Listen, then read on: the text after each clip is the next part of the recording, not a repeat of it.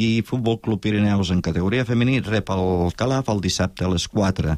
Els dos equips de futbol sala masculí juguen aquí a casa i per part de l'infantil serà l'últim partit atlètic la Seu d'Urgell contra Maristes Montserrat el dissabte a les 6 de la tarda al pavelló. Futbol sala femení, atlètic la Seu, Tàrrega, dissabte a dos quarts de quatre. Fins aquí. Santi, són les 8. Ja és hora de plegar. Doncs pleguem, ens esperem dilluns que ve i parlarem de tots aquests partits i a veure com va la jornada de dissabte i diumenge. Això Tingueu mateix. bona setmana. Igualment, bona nit.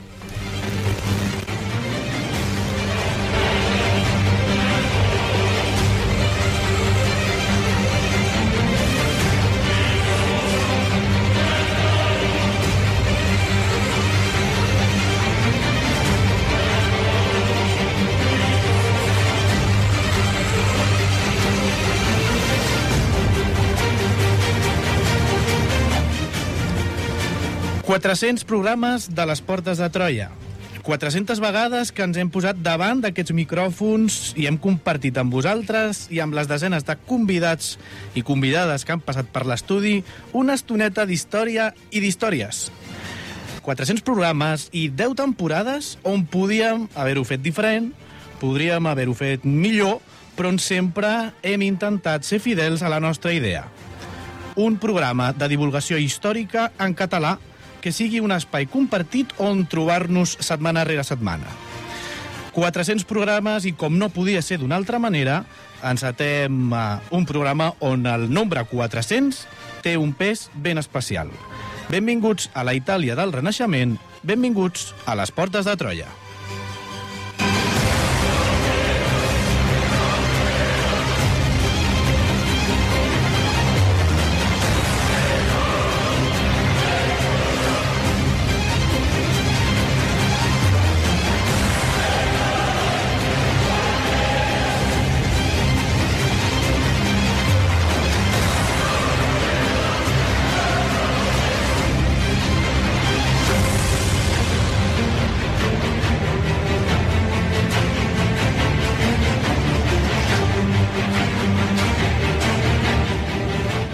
Benvinguts i benvingudes una setmana més i una setmana especial al programa 400 de les Portes de Troia, el programa de ràdio d'història de la xarxa de comunicació local.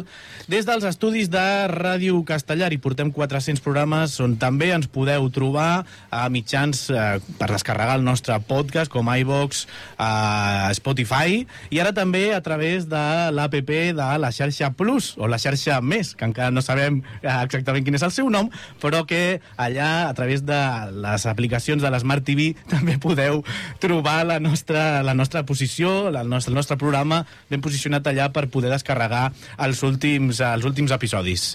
Així doncs, donem per, per començat aquest programa 400 amb els nostres historiadors de capçalera i saludo ben especialment avui a l'Alberto Reche, que ja que feia temps que no ens retrobàvem aquí a l'estudi.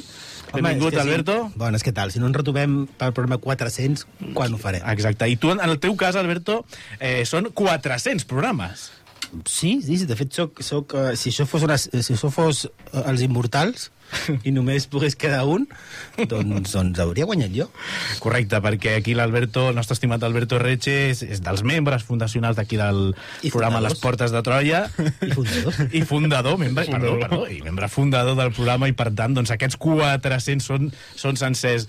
Uh, A més, a més és, és, és bonic perquè en el mateix mes he fet 40 anys i 400 programes. Ostres, aquesta és molt bona. S'està quedant un mes fantàstic. eh, avanço, que estem a dia 24 i encara no m'he apuntat ni a Del Padel, ni m'he comprat una Harley, ni m'he divorciat, així que jo crec que ho porto bé. Tot va, per, tot va per bon camí.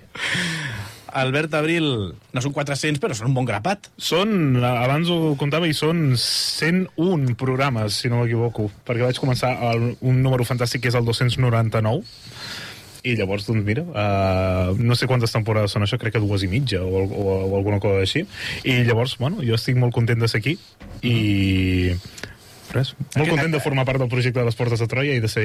I no, no vols afegir cap cosa més, Albert? Aquests moments que el posen tan incòmode, Albert, perquè ha de parlar de coses... No, No sé, el becari el fa molt bé. fa bé, fa bé. O sigui, Home, sent, sent un programa i encara sóc considerat el becari de les Portes de Clar, Troia. però pensa, pensa que tu cada vegada tens més programes però el programa cada vegada té més programes. Llavors, per molt que corris, No l'atraparé mai. mai atraparàs. No l'atraparé mai. Uh, no, doncs res, jo estic molt content de fer paelles amb vosaltres a l'estiu, uh, de veure en Sergio dormint a la piscina Exacte. i de gaudir d'aquestes estones de la tarda, que al final ho fem perquè ens agrada parlar història i passar-nos-ho bé mentre, mentre ho fem. I molt content d'això. I jo vull saber quants programes fa més o menys tu, Sergio, que estàs aquí. Jo des del 66 o 67. Per tant, també... Un bon, bon grapat, bon grapat. Déu-n'hi-do. 2015 ja, sí, sí. Ara quan llegint la entrada diem, parlem de 10 temporades. 10 temporades són molts anys, eh? Ja, 10. 10, 10. Déu-n'hi-do. També tenim en Pol Albanell avui, que ens acompanya en aquest programa 400. Moltes gràcies. I que el convidem, ja que ets aquí, a fer el 401. Sí o què? De què ens, de què ens parlaràs? Vine la setmana vinent. Va, la setmana vinent tornes a pujar a castellà a gravar un programa sobre... Exacte, sobre, a veure, deixa'm pensar, algo que sigui així dramàtic.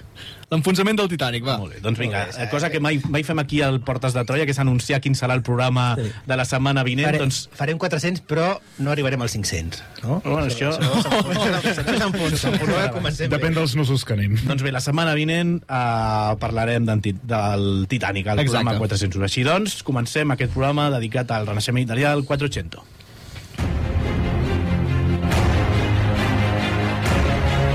Segueix-nos a facebook.com barra Portes de Troia o a Twitter arroba Portes de Troia. Descarrega't el podcast des d'iBooks o iTunes.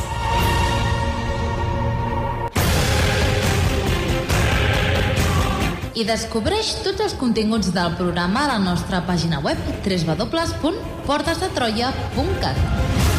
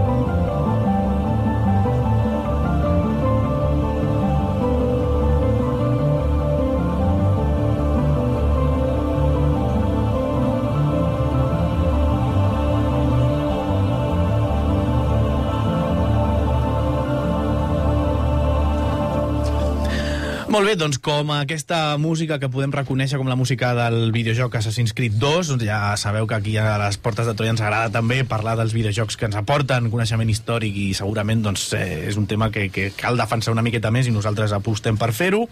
Uh, I com estem escoltant aquesta música, estem a la Florència del segle XV. Albert, què hem de saber del context històric del programa d'avui? Uh, doncs la millor manera d'acostar-nos a la Florència del segle XV a través de, de les portes de Troia és, òbviament, uh, escoltant programes dedicats a la Florència del segle XV. Uh, fa relativament poc va venir la, la Clàudia Díaz a parlar-nos dels Medici, mm que va fer un parell de programes, i jo penso que una cosa que és uh, purament florentina i del segle XV són els Medici. Llavors, uh, això ens aniria en, bueno, uh, recomanant no, uh, escoltar aquests programes, que també van parlar molt de la situació de la ciutat, precisament de la situació de- d'Itàlia d'aquell moment.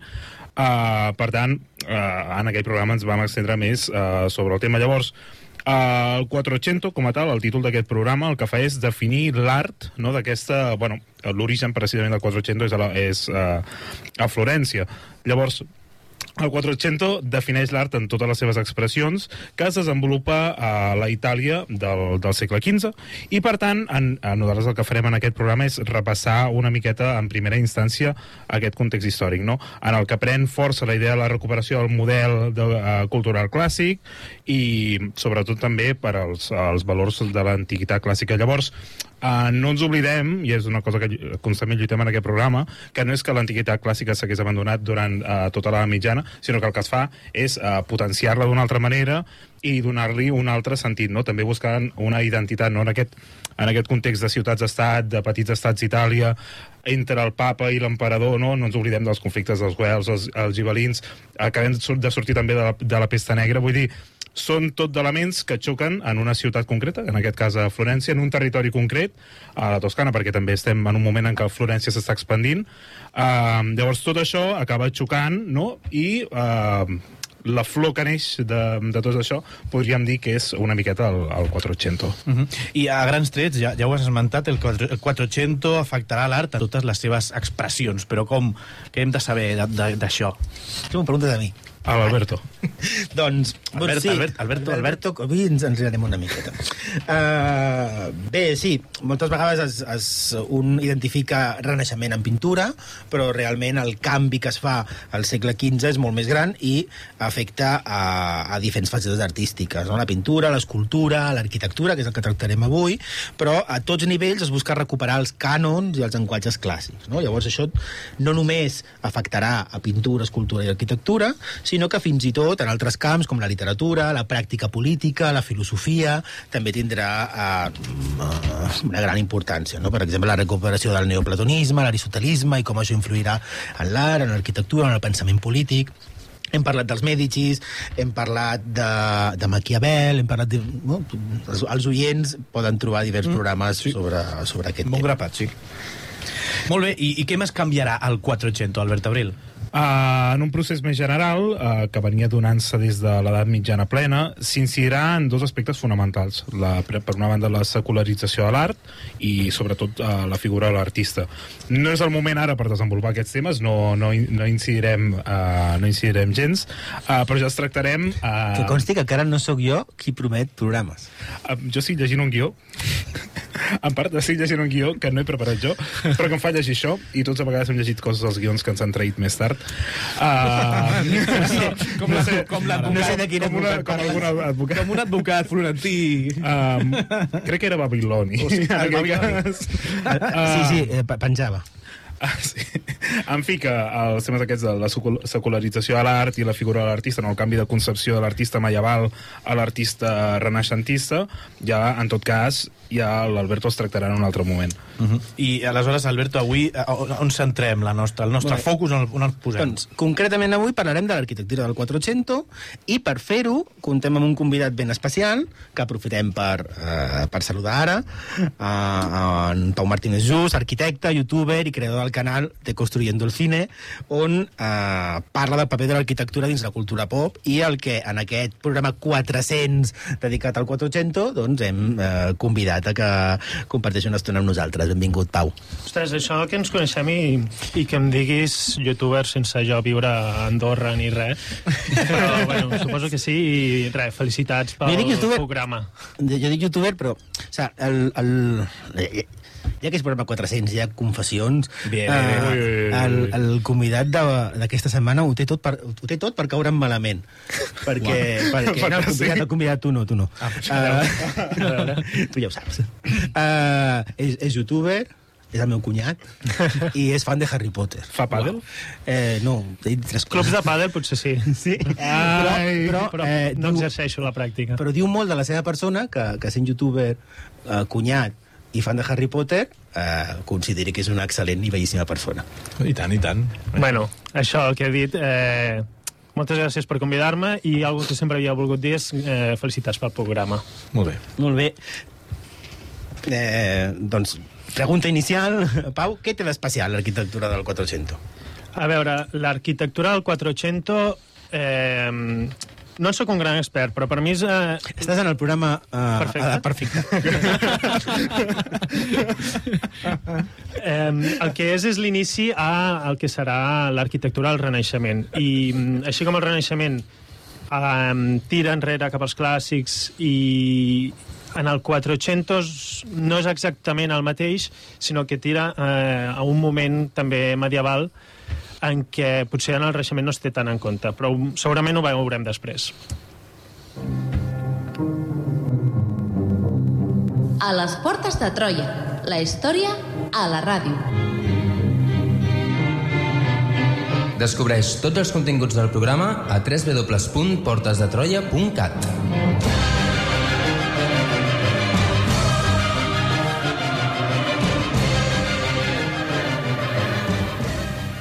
Me da miedo cuando sale sonriendo para la calle, porque todos pueden ver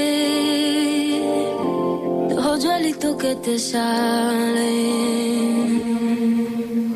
Y el aire cuando pasa por levantarte el cabello y el oro que te viste por amarrarse a tu cuello y el cielo de la luna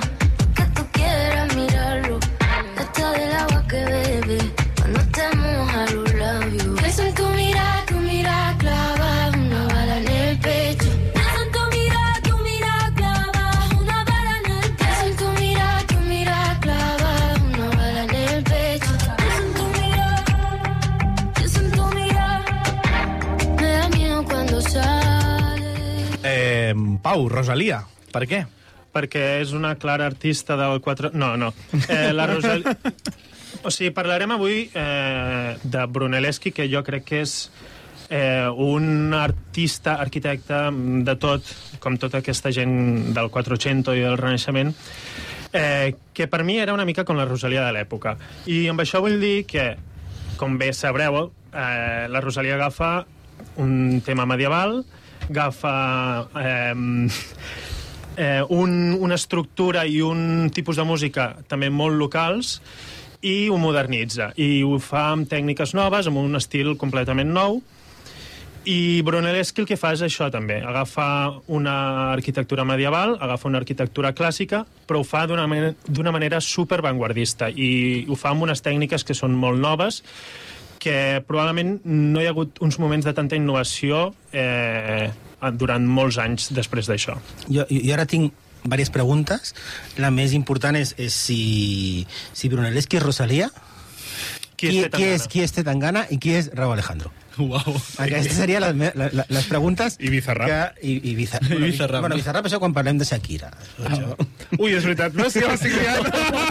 L'estic A liant. veure, Albert, està, està molt guai fer de senyor, ba senyor Barnes, posar-se la gorra i fer veure que ets jove. però, Però no saps qui és Omar Montes. però no saps qui és Omar Montes No, no ho sé. i confons Jo- jo a, tampoc, a eh? Bizarrap con Zetangana. M'atre- M'atreveixo a afirmar que no sóc l'únic d'aquesta sala. Bueno, en, en qualsevol cas, tornem al, tornem al 400, tornem a Brunelleschi, i, i tan novedosa serà la seva obra, o, o eh, amb què jugarà, amb quins elements no, jugarà per fer de Rosalia? Mm, Brunelleschi, eh, el que deia, agafa les estructures d'una arquitectura medieval i, i el que fa és començar a innovar. Eh, ho veurem a continuació. S'inventa tècniques, comença a patentar eh, màquines. Eh, no sap com construir la famosa cúpula, que ja en parlarem, i, i ho acaba construint i és una obra mestra d'enginyeria totalment que avui en dia encara no se sap ben bé com s'ha aconseguit. I llavors, eh, a part d'aquests elements que va reinventant i que agafa del, del passat, quins són els elements nous que incorporarà? Doncs ell, que, que es basa en aquest gòtic, a diferència de, de Vasari, que, de Vasari que posa en nom al gòtic com a una cosa que és el mal, que és allò que no ens agrada, hem de superar-ho, ell no, ell no li fa fàstics, agafa això i, com dius, incorpora nous elements que una part és tornar encara més al passat del, del medieval, agafar elements de, de l'arquitectura romana, però, com deia, inventar-se màquines per poder construir d'una manera que mai s'havia vist. Poder construir una cúpula tan gran com la del Duomo de Florència i, mm, i un tipus d'arquitectura que en el seu moment segur que no, de, no deixava indiferent. Bueno, doncs ja, ja hem ja hem obert el meló. Uh, si parlem de Brunelleschi, per molta gent és sinònim de parlar d'aquesta cúpula, la cúpula del Duomo de Florència. Uh, Pau, explica'ns una mica com és que Brunelleschi acaba construint uh, aquesta cúpula d'una catedral que comença a construir-se a finals del segle XIII. Sí, exacte. La cúpula havia estat durant molts anys eh, aturada, eh, no s'havia construït per dificultat que presentava, perquè el forat que hi havia allà era immens i no se sabia com cobrir. I, a més a més, hi havia una crisi de constructors, que això és algo que s'ha dit en cada moment mm, de tota la història, que hi ha una crisi de constructors que ja no saben com construir.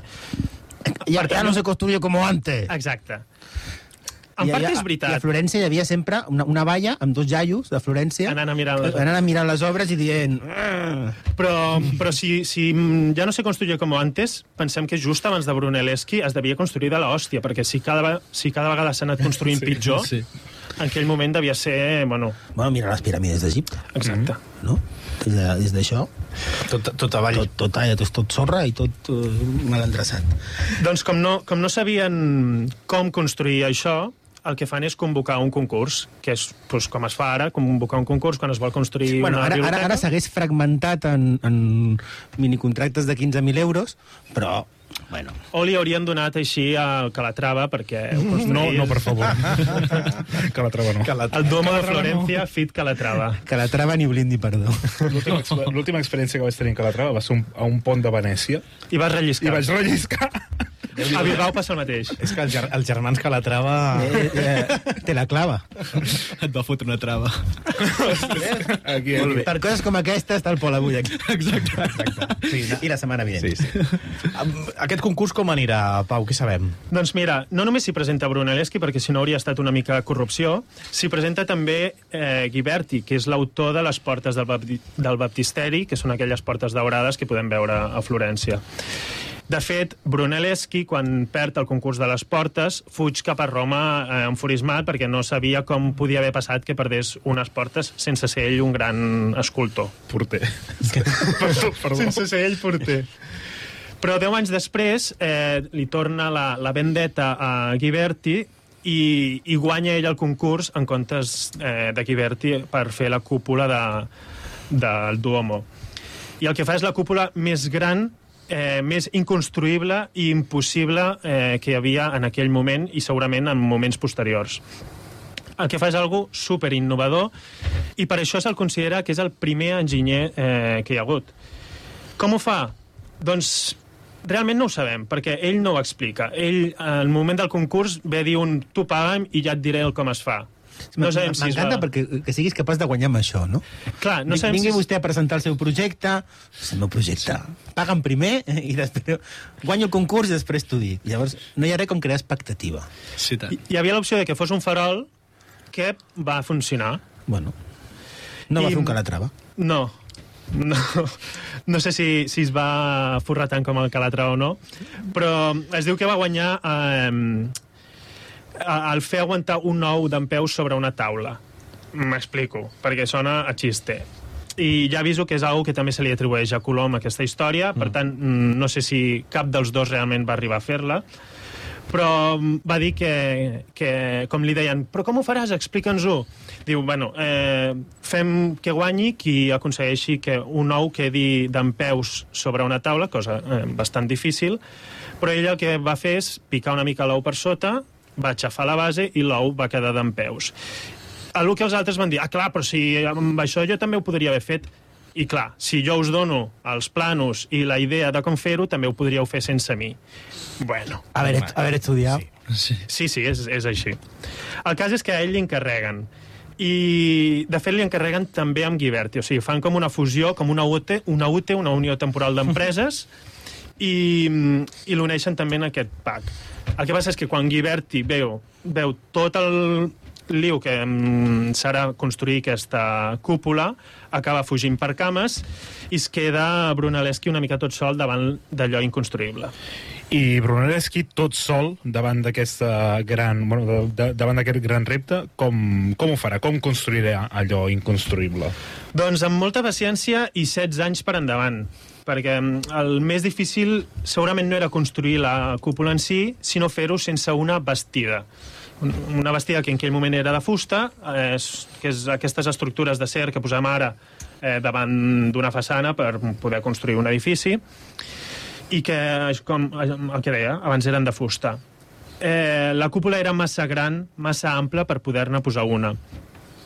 Tampoc eh, ho fa com s'havia donat una idea en aquell moment d'omplir tota la mm, eh, catedral de, de, un, amb una muntanya gegant de sorra. Uau. Un pla excel·lent. excel·lent. Era un pla excel·lent. excel·lent. És a dir, tu tens, una, tu tens una catedral amb un forat enorme al mig perquè encara no has fet la cúpula i fot-li sorra. Clar, perquè llavors pots construir a sobre, però el pla excel·lent era com treure aquella sorra. El, uh, no sé qui ho va dir, això, però la idea era, entre Bertino tota aquesta sorra... Molt probablement, Bertino Osborne hauria tingut una idea semblant, que era barrejar monedes d'or entre la muntanya de sorra. Per tant, tots els pobres anirien a treure ràpidament aquella muntanya que de sorra. Molt florentí per part. sigui, idiota... No, no, i molt, i molt de Martín Osborne. O sigui, idiota i classista a la vegada. Sí, però ell s'hauria quedat les monedes, segurament, Sí, també. segur que serien, serien xocolatines. Monedes d'aquelles... Trossos de pernil. Sí. en, en qualsevol cas, eh, sabem quin no era el pla de Brunelleschi, no? no hi havia un pla boig d'omplir la, la catedral de Florència de sorra, però sabem quin era el pla eh, autèntic de Brunelleschi, sabem, o com has dit abans, no coneixem els plànols... No coneixem els planos, no hi ha gaires maquetes. Eh, el que s'han fet són proves i s'ha anat mirant en el moment de treure les teules, per exemple, s'ha pogut estudiar com hauria de ser, eh, però del tot ja us avanço que no, no ho sabem. El que s'han pogut veure és que hi ha dues tècniques diferents. Una més estructural i d'enginyeria i una altra que és l'engany, bàsicament. I és la... Coneixent com estem coneixent ara Brunelleschi, jo crec que l'engany funcionarà. És la, és la més coneguda. Bàsicament utilitza dues cúpules, una dins de l'altra, com, com unes nines russes, i la més coneguda, eh, la cúpula més coneguda és la que veiem a l'exterior, que és la més gran, que mm, és, de fet, la cúpula més gran feta mai de totxo. I aquesta cúpula té un aire gòtic, és més vertical que no pas la interior, que és més petitona. Perdó.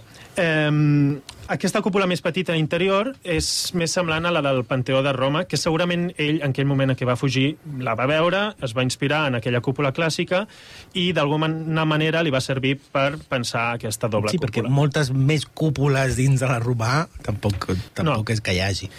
Però. De fet, actualment aquest espai entre les dues cúpules es pot visitar quan, quan has de pujar, si estàs boig i poses allà, dalt, perquè ho vaig fer eh, Era i bé. mai ho he passat tan malament com en... Expli pot, ser, pot ser que tinguis una mica de por a.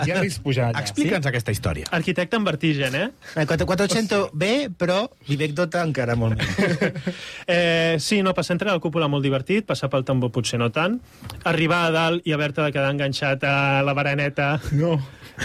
No, no, sóc incapaç de fer una foto des de- des d'aquella de, alçada. Clar, eh, eh, els nostres oients no ens veuen, però el, nostre eh, altre gran expert de- d'arquitectura, eh, l'Albert Abril, eh, i el, teu, el, teu, el teu any d'arquitectura ha de servir d'alguna cosa, anava fent que sí que sí amb el cap.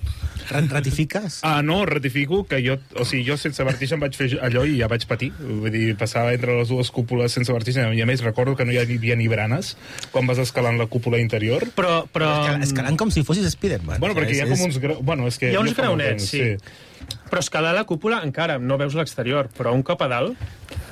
A mi, clar, tu allò ho devies patir, jo vaig patir més l'interior. No, no va ser res, cadascú té... A mi l'interior em va agradar molt. em sentia protegit. Home, és, és molt curiós veure bueno, la trampa aquesta de, de les dues cúpules, no? Que, que si, si vols, de fet, ja aprofitem per, per explicar-la. En què consistia i quin era el misteri de, de tot això? De fet, la, la part més misteriosa és la, la que no són les dues cúpules, sinó la de l'enginyeria, que podem veure a través de les dues cúpules, quan passem per aquest doble espai estret que hi ha eh, actualment. I mm, s'han descobert eh, en aquest espai que hi ha unes filades dels totxos de la cúpula que no estan posats de la manera habitual, que és en horitzontal, sinó que estan posats en vertical. I, per tant, això segurament té uns motius estructurals. També que els totxos no es posen de la, mateixa, de la manera més lògica, sinó que estan eh, inclinats, d'una manera en què funcionen més com un arc. En fi, és un munt de, de teoria estructural que anava a dir que jo no, mateix no acabo d'entendre, però és que ningú acaba d'entendre com està funcionant aquella estructura. Hi ha unes quantes teories sobre el tema. Jo, jo, tot això està molt bé, però jo, jo ara no paro de donar-li voltes a la, a la idea de tornar a Florència amb aquests dos i tornar a, a- a fer-los pujar a la, a la cúpula. Sí, o sigui, estic, es- el programa 400 podria ser un bon moment d'inaugurar els viatges troians. Oh, seria meravellós, eh? Fem eh, un, un Patreon o fem un, Bueno, un o- crowdfunding o fem, fem eh, i que els oients no? i que, anem, sí. i que, i que l'Albert Abril i el Pau organitzin un viatge a Florència i nosaltres des de baix mirant com pugem. Ah, no, però pugeu també, eh? Sí, home, això és una partida que jo. Seria encara pitjor. Hagin de col·locar en Joe Biden a sobre de les cúpules. Uh, però ja tenim moltes coses pendents, com una cercavila per Barcelona, Sí, uh, paelles, calçotades, feina. migues, Ah, ah, ah. Això és el que fem, prometre coses que no fem. Exacte. programes. Programes. En fi, jo, jo quan vaig veure la cúpula, ah, ara potser m'estic anant molt, eh? però la, la disposició dels, dels totxos, Sí. dels totxos, em va recordar una miqueta el que es feia a, a, a moltes construccions medievals de pedra, que és l'opus espicatum, que es posaven les pedres com si fossin una miqueta una espina de peix. Correcte, sí. Per, precisament perquè hi ha aquests totxos en vertical mentre la resta segueixen en, en horitzontal. I això... Eh, aquestes línies en vertical fan una forma espiral a través de la cúpula i és pel que es dedueix que pot ser o bé una manera de, de limitar quants totxos han d'anar entre cada tram i saber on ha d'anar cada totxo o un, que actuïn una mica com si fossin unes vigues o els nervis eh, estructurals. Caram. És, és fascinant veure... Uh, Una conversa d'arquitectes. Un arquitecte i un quart... Uh, Un cinquè. Conver- un, cinquè, un Un arquitecte i un cinquè conver- conversar. Però, eh, eh, clar, eh, potser molts oients estan ara preguntant-se com és possible no? que una cosa tan aparentment racional no? i reglada com, com l'arquitectura, o la gran arquitectura, eh, pugui ser encara un enigma, no? Eh, com és possible que fins avui no se sàpiga ben bé com, com s'ho va fer Brunelleschi per, uh, per fer la cúpula, no? Perquè, d'alguna manera, o sea, eh, eh, Brunelleschi seria molt, molt Rosalia, però algun plànol l'havia de tenir, alguna indicació, vull dir... Buf, Aliens. El que passa és que la... Sí, això- Sempre, sempre. Sí, però, però això està guai. Això, això mola perquè eh, eh, això només té una resposta, que és escalar el conflicte. vale? que quan algú posa sobre la taula una teoria de la conspiració, tu evidentment no ho pots negar, perquè parles amb idiotes, llavors no, no, hi ha, no hi ha conversa possible, llavors és escalar el conflicte. No? Eh, eh, L'home mai va arribar a la lluna. Ah, però creus en la lluna? Uau. Això està bé, aquesta resposta. És que, saps? Eh, eh, eh, les, piràmides, eh, les piràmides d'Egipte les van construir extraterrestres. Sí, home, no són piràmides, són obeliscos gegants que venen del centre de la Terra. No? I sempre, tu sempre, tu sempre jugues a, a, a l'all-in, saps? A, a jugar-ho tot. Sí. Llavors, eh, És la carta del caos. és la carta del caos. És, és veure... Hi ha gent que no, només vol veure el, el món en flames. Molt bé, no? molt bé. Uh, en qualsevol cas, Brunelleschi segurament seria d'aquest tipus de persona, de gran puta. Però, eh, com s'ho va fer? Va? Eh, com sabem o com podem intuir eh, com ho va construir i per què, si hi ha algun motiu de que no, mm, aquest enigma sobre com ho va fer és intencionat. A veure, és, el tema que deies, per exemple, la Rosalia deixa les seves partitures i els terraplanistes fan molt soroll i Brunelleschi segurament no en va fer tant uh, i era molt protector amb, el seu, amb les seves idees. No va deixar gaires planos, no va deixar gaire maqueta, li feia molta por que li robessin les idees, bàsicament. És, de fet, és tan reservat que eh, ell va fer la primera patent del món occidental, que va ser Il Badalone, i mm, per això tampoc va mostrar la seva proposta de la cúpula per al Duomo de Florència en el concurs que va fer. I es diu que va anar amb tot el rotllo aquell de l'ou. Il Badalone. Badalone. Sí. És el que està al costat de, de Barcelona. A, a, allò. Exacte, il Badalone no és com un italià li diu uh, algú que és de Badalona, sinó que era una barca per portar marbre de Carrara. Il Badalone, que també és conegut com a monstre d'aigua, que podria ser també el sobrenom d'un alcalde de Badalona, va tardar en construir-se 3 anys que és el temps precisament que en aquell moment, clar, era la primera patent, no sabien quan havia de durar, doncs fum-li 3 anys. És justament el que va tardar en construir-se. Després... I va funcionar? Eh, va funcionar mm, concretament fins al moment en què es va enfonsar, que potser això enllaça amb el programa de... Sí, podries fer un de programa del Titanic la setmana Sí, passada. no? Vinent. Ja posats a enfonsar coses? En fi, era un, un home del Renaixement que tocava tots els àmbits i segurament no els acabava de dominar tots, excepte l'enginyeria. Tocava fons, també. Exacte. Però bé, tornem a, a la Rosalia. Que és el protagonista del programa. Exacte, dir, no el- Brunelleschi. El 400 i Rosalia, podríem canviar-li el títol Sí. i per fer-lo així més, no? Brunelleschi forma part d'aquest inici del Renaixement, però utilitza aquests elements gòtics. I ho podem veure, per exemple, en, en l'aire aquest de la cúpula del Duomo, ho podem veure en la capella dels Pazzi, amb una inspiració de la capella dels Espanyols, que era una estructura anterior, o ho podem veure en l'Hospital dels Innocents, que també està a Florència. Allà utilitza la, la lògia medi medieval, que és una espècie d'ajuntament, que és com un porxo on, on es feia justícia. Però aquí ell, el Brunelleschi, que era, li volia donar un gir, ell ho fa amb unes columnes clàssiques. Molt bé, i, i estem en aquest moment, ho coment- ho comentava ja eh, abans l'Albert, no? que estem en un moment una mica bisagra no? entre el gòtic, l'inici del Renaixement, tu també ens comentes que Brunelleschi fa justament això, no? barreja elements gòtics, art renaixentista, això era, era molt freqüent a l'època o, o estem davant d'un cas excepcional? Mm, No, de fet això és el 400, és un inici del Renaixement on no fan cap fàstic a res. Després ja arribarà Vasari i potser la cosa canvia. Ell com a... I, intuïm que Vasari no cau bé. Era un- una mica un... Té nom de dolent, eh? Té nom Vasari. Té nom de dolent, el Basari. Il Vasari. Vasari. Us cau bé. Jo me l'imagino dient mi, mi, mi, mi, mi, mi, mi, obsessionat en, molt en classificar i això és això, això és això i això és això. De fet, crec que és el que s'inventa el nom del Renaixement, no?, també, i, i tot això.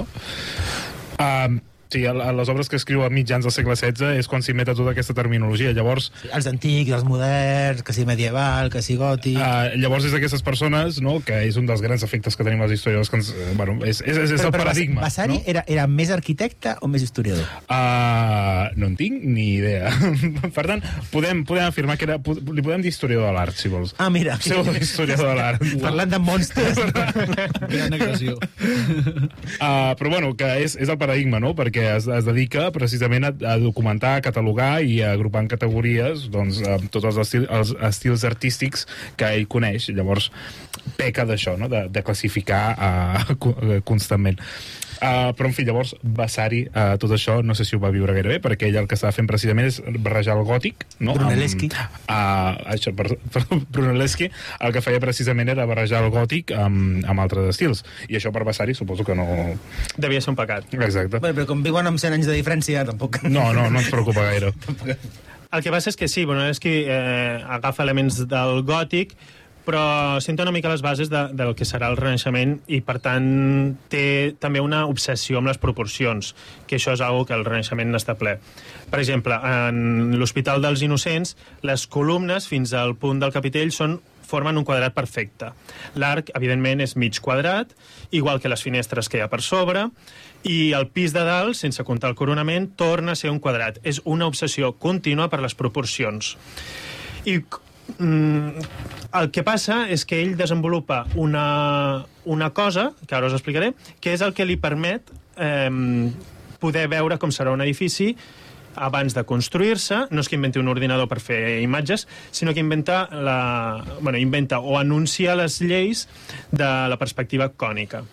I què és la perspectiva cònica? És un tipus de perspectiva que no cal més, anar més enllà en la definició de perspectiva, però és bàsicament eh, poder dibuixar d'una manera que tu veus bé les proporcions, que veus com, com més lluny està un objecte, més petit el veus, i tot això ajudarà moltíssim en la pintura del, del Renaixement.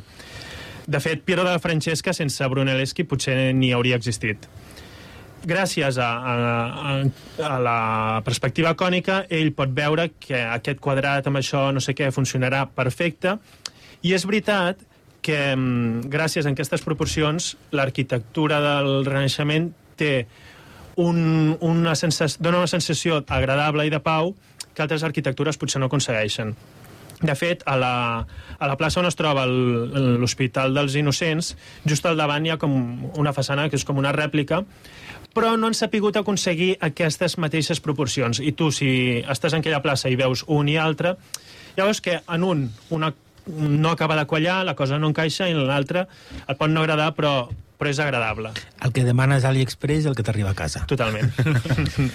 Doncs, uh, Pau, si vols, uh, anem a parlar ara de l'altre gran arquitecte italià del segle XV, Leo, Leon Battista Alberti. Què hem de saber d'ell? Vols afegir un altre Alberti a la, al sí. programa? Perquè en Sergio ja s'està liant, ja liant prou. El Sergio. La no sé. Faltarà un Alberto? Sí, I ja tindrem, tu, Alberte. i, i tindrem totes les vocals. Doncs a veure, eh, Alberti és, no és tan arquitecte, tot i que acaba construint, però és el gran teòric de, de l'època. Ell escriu de Pictura, eh, que és un tractat publicat l'any 1450, i és el primer, després dels clàssics, que elabora una teoria de l'art. Aquí ell fa la descripció de la perspectiva de, la perspectiva de Brunelleschi, o sigui, perfectament se la podria haver atribuït, li podia haver robat la idea a algú que Brunelleschi temia, però va tenir aquest punt d'honestedat de, de no atribuir-se-la atribuir i, mm, i explicar que era una cosa que havia explicat eh, Brunelleschi. I, I aquest de, de pictura serà l'única obra important d'Alberti o, o, o n'hem de parlar d'alguna més? No, de fet, segurament de Pictura es va convertir en un bestseller que tots els artistes del moment compraven i busca petar-ho amb un altre i comença um, d'estàtua. Si has fet pintura, doncs te'n vas a l'escultura. Eh, aquest és un tractat que es publica el 1464. Ell aquí divideix l'escultura segons si treus material sobrant, com deia Miquel Àngel, amb la pedra, si n'afegeixes, com pot passar amb els metalls, o totes dues coses, com pot, eh, pot passar amb el fang. I ja buscant el seu Senyor dels Anells, la seva primera trilogia de Star Wars, escriu un altre tractat que és de reedificatòria. Realment ja la tenia escrita abans, però es publica posteriorment a la seva mort. I més que el Senyor dels Anells és el Senyor dels Anells, el Silmarillion i els apèndix tot plegat perquè són 10 llibres sobre com Però és- construir. És el que fa el fill de Tolkien. Exacte. amb el que fa amb aquests llibres és revisitar els 10 llibres de, de Vitruvi sobre com construir. Va escriure molt, però al final Alberti va construir alguna cosa o no va construir res? Sí, ell, per exemple, construeix el Palau Rossellai o la que és la meva preferida, l'església de Santa Maria Novella, que és aquella església que trobem al costat de l'estació de, de Florència, l'estació central. Allà ell es troba un munt de coses anteriors, com normalment passava, amb les que ha de lidiar. I ho fa prou bé. De fet, ho fa amb un marbre d'inspiració romànica florentina, local. De nou, eh, torno a Rosalia, com agafa un estil més local i l'internacionalitza o li aplica sistemes eh, i tècniques noves. I com no, Alberti també es torna loquíssim amb les proporcions. La façana de Santa Maria Novella torna a ser un quadrat. És més, de fet no en té prou amb de tornar al romànic i fer-ho amb, un- estil local, sinó que ara està molt... Eh, perdó, això de tornar a utilitzar tècniques locals està molt ben considerat ara mateix també en l'arquitectura, i ho ha estat durant uns anys. Per exemple, tu sigues modern, però, però sigues mediterrani si estàs construint aquí. Ficada la falca d'arquitectura, segueixo. Eh, Ara, ara hem de preguntar si estàs d'acord o no amb això. Sí, totalment. Mullet, mullet. L'arquitectura moderna peca de no eh, apropar-se al- a l'arquitectura local, moltes vegades, de no de construir aquí com podries construir a, Ber a Beverly Hills. Però això està guai sempre que la teva arquitectura local sigui guai. Clar. Si estàs en un lloc que la teva arquitectura local és una merda, Però... Quina arquitectura local? Sí, no, sí. jo crec que totes estan guais. Vale. Si no, si no segurament no és... Jo no vull posar exemples, però bueno. no, bueno, no, bueno, se- No, que, que llavors tenim problemes de Twitter. Sí, no? Des d'aquí una abraçada... No, home, no. eh, bueno, tenim, tenim aquest, aquest localisme, aquesta universalitat i, i com integrarà aquests dos elements Alberti. Eh, de fet, ell se'n va buscar una part romana. O sigui, se'n va buscar l'arquitectura romana i fa una façana amb dos elements molt representatius d'aquesta, que són l'Arc de Triomf i el Temple. Mm, com sabreu, l'Arc de Triomf té tres arcs, eh, amb el central més gran, i a dalt té un coronament, normalment, una part més massissa, que acaba l'edifici, diguem-ne. Un palau, en, eh, en canvi, eh, un temple, perdó, eh, té tot de columnes que es situen sobre una base massissa. Doncs ell el que fa és juntar aquesta part massissa de baix d'un temple amb la part massissa de dalt d'un arc de triomf. I amb això ha tingut, eh, enquadrat dins d'un quadre perf quadrat perfecte, té la façana de Santa Maria Novella. A les portes de Troia. Descobreix la teva història.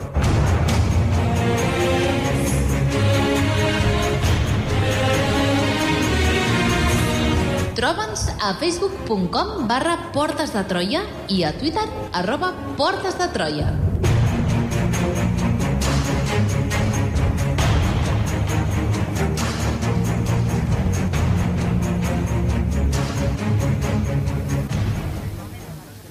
Stamattina mi sono alzato, oh bella ciao, bella ciao, bella ciao, ciao, ciao. Stamattina mi sono alzato e ho trovato l'invaso.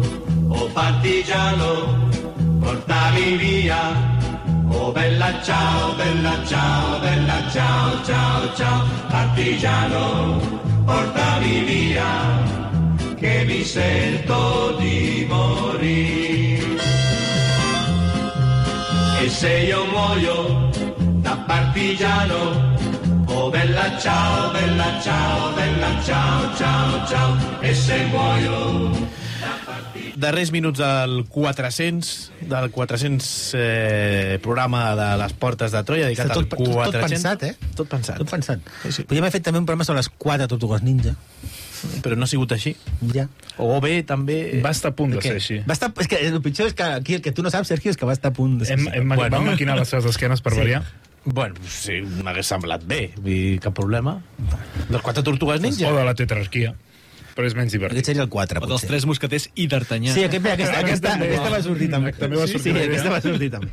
Pues, pues 400. 400, vam, dir, vam, tirar, vam tirar... Eh, la part bona és que si funciona tenim el 500, no passa res. No, no, no, no, no, hem, de, no hem de pensar programa 500. Els 600 haureu de parlar d'un cotxe o... Del 600. Clar, parlarem del 600, del programa 700 no en parlarem perquè el segle XVIII és una merda i al 900 ja estarem morts, no passarà res Uà, i però llavors jo, quan vaig parlar de l'Aragai, vaig fer el noucentisme. Vaig Ah, mira, com- podem parlar de- obligar a accelerar molt, no? No farem un programa I, i, el, i el programa noucentisme. 1000 serà sobre el mine, mineralismo Any 1000, Alberto, has d'aguantar fins llavors. clar que sí Um, Pau, uh, com es percebrà aquest estil, el 400, amb el pas del temps? Tindrà molta influència? Poca? A veure, de fet, tot el, el renaixement italià, eh, per això sonava la música, eh, té unes semblances amb, amb el feixisme italià, que és un moment en què es recupera el clàssic, es recupera una obsessió per les proporcions, tornen a, a fer que tots els edificis siguin un quadrat perfecte o la suma d'un quadrat i mig i les, el, inscrit en una circunferència ideal s'obsessionen moltíssim amb tot això. Per exemple, Terragni, un arquitecte del feixisme italià, eh, construeix a Como la Casa del Faccio, on, per cert, també recupera una, la lògia medieval, algo que ja havia fet Brunelleschi.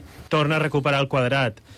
Eh, finalment... Eh, sí, els, els fascistes eren molt quadrats I molt renaixentistes. molt renaixentistes, no sé, depèn És, és la conclusió que m'emporto del programa. Tu, avui. tu, tu Albert, sí, a més, ho, ho ha apuntat aquí al guió en, llet, en lletres mayúscules perquè veiem bé que, I remarcat. i remarcat amb un Remarcat, sí, sí. quadrat Que posa renaixement igual a feixisme Sí. igual que a mi com a eslògan me vale o sigui, el renaixement està sobrevalorat El feixisme... Com a, com a, el feixisme. Sí. Sobrevalorat. Depèn de quin lloc. A veure, si a tu t'agrada el feixisme, pues sí, has sobrevalorat una cosa que tampoc era per tant, tampoc, tampoc era tan guai.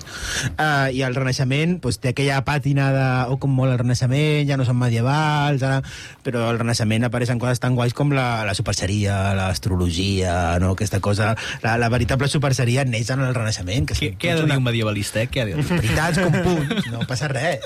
Llavors, uh, i, O sigui, podem situar els orígens de la Fundació Bofill aquí a...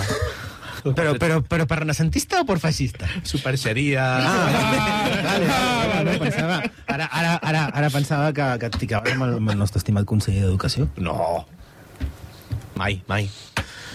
Tornem al 400, no? Uh, no, de fet no tornem al 400, no? Porta la camiseta, Tornem al feixisme. Estem al feixisme, correcte. Estem, de fet, estem relacionant 400 amb feixisme, que és una cosa fantàstica.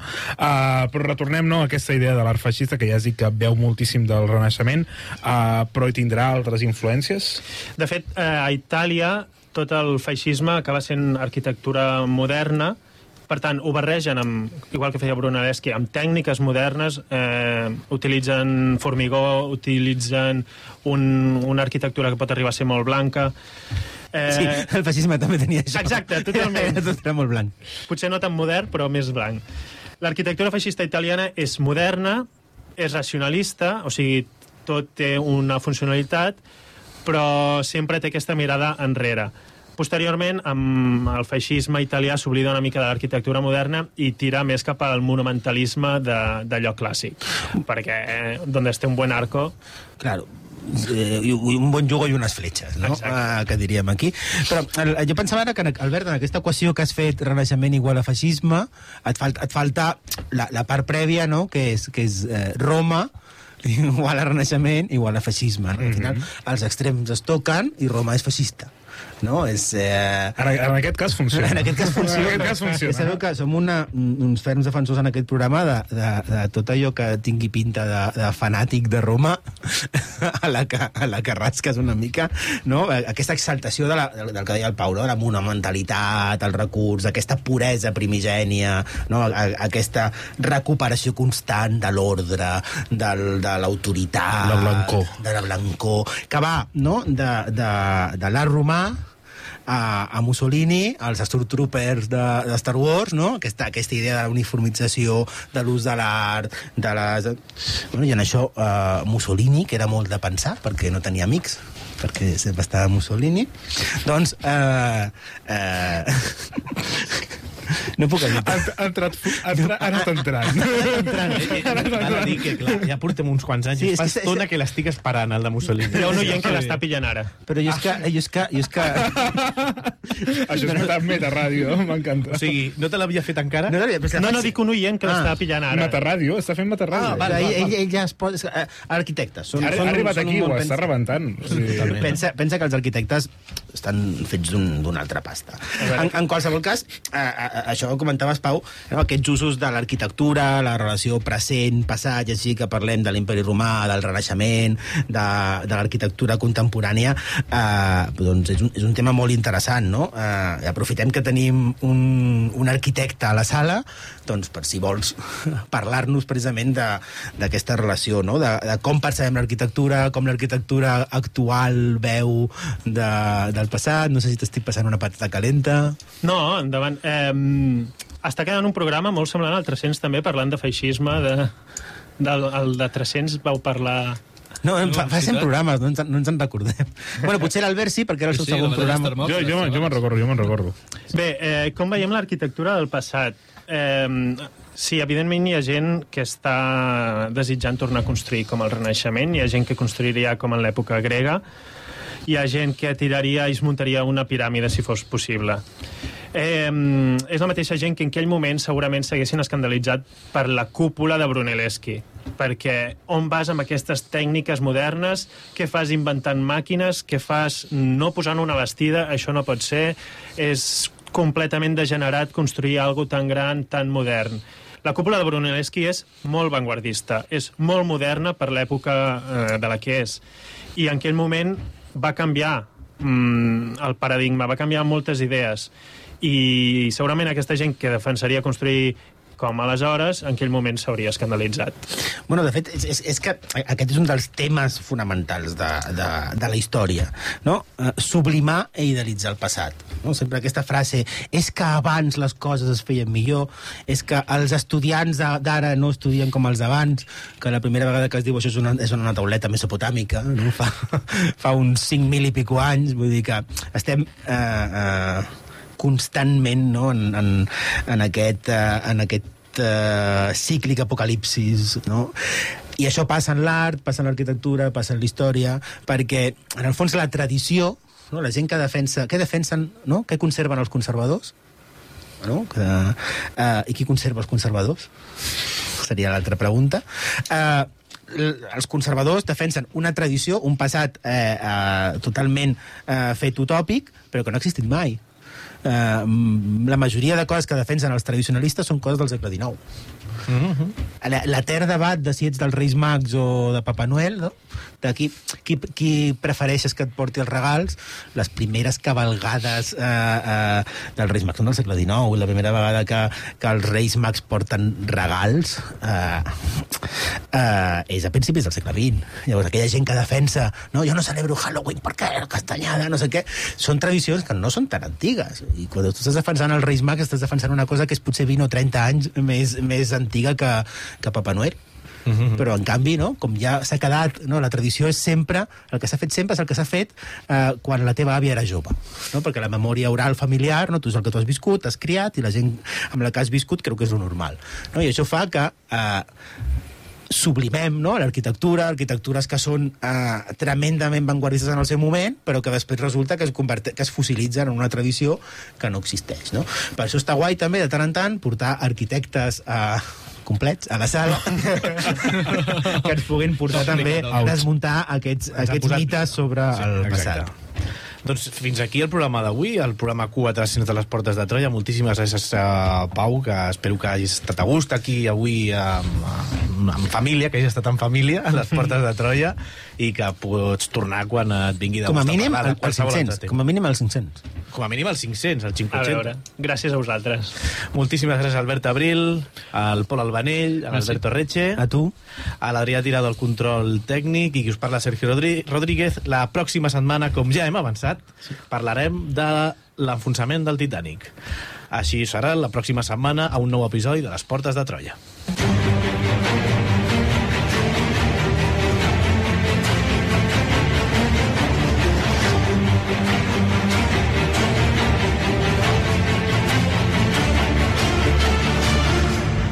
les portes de Troia, amb Alberto Reche, Sergio Rodríguez i Albert Abril.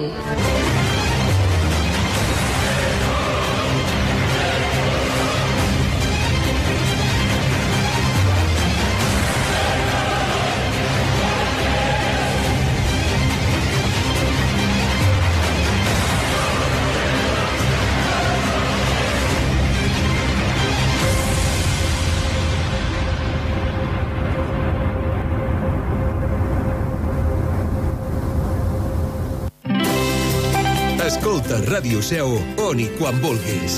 Entra a l'apartat de ràdio a la carta de la nostra pàgina web i tria allò que més t'interessa de la nostra programació. Els informatius, les entrevistes, els programes musicals, culturals i esportius, la programació especial... On i quan vulguis, Ràdio Seu. A la carta des de la nostra pàgina web radioseu.cat.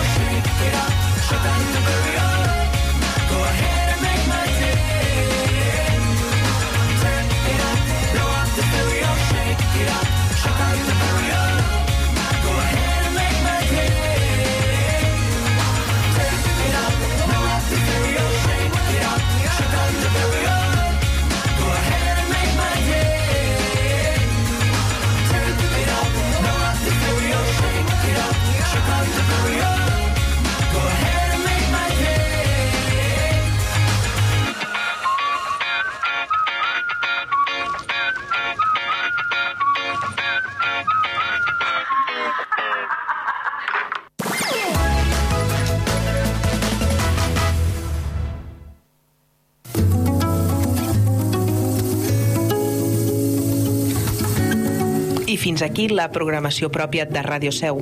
Connectem amb Catalunya Ràdio.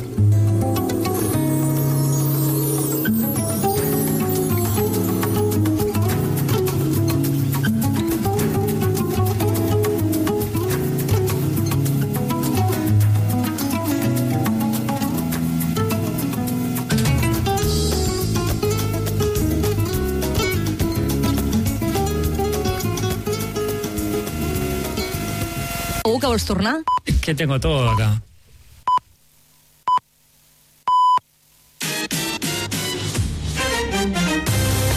Catalunya Ràdio. Les